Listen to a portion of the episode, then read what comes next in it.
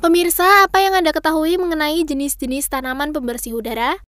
Tidak hanya mempercantik ruangan saja, namun tanaman hias tersebut dapat membersihkan udara di lingkungan Anda, sehingga Anda dapat merasa lebih segar.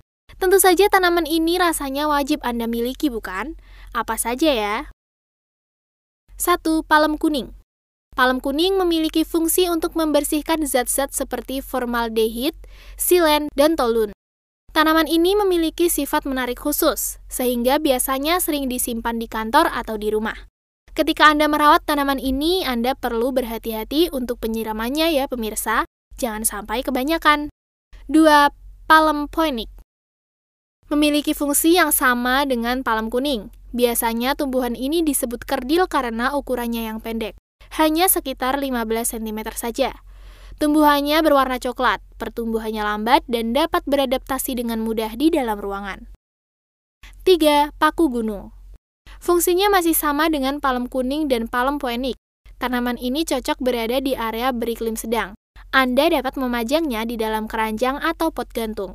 Walaupun sebenarnya tanaman ini bukanlah tanaman yang mudah tumbuh di dalam ruangan. 4.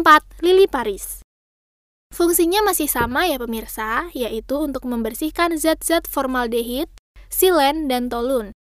Tampilannya memang terkesan berantakan, namun jika Anda merawatnya dengan benar, tanaman ini akan tampak sangat indah. 5. Bunga Sri Gading Memiliki fungsi yang sama juga dengan berbagai tanaman yang sudah disebutkan sebelumnya. Jenis ini tidak begitu rewel pemirsa, kebutuhan airnya sangat rendah. Begitu juga dengan kebutuhan cahayanya. Karena varietasnya banyak, maka Anda dapat merawat semua jenisnya dan akan menampilkan warna-warni di ruangan Anda. Tanaman mana yang Anda sukai? Selamat mencoba dan sampai jumpa.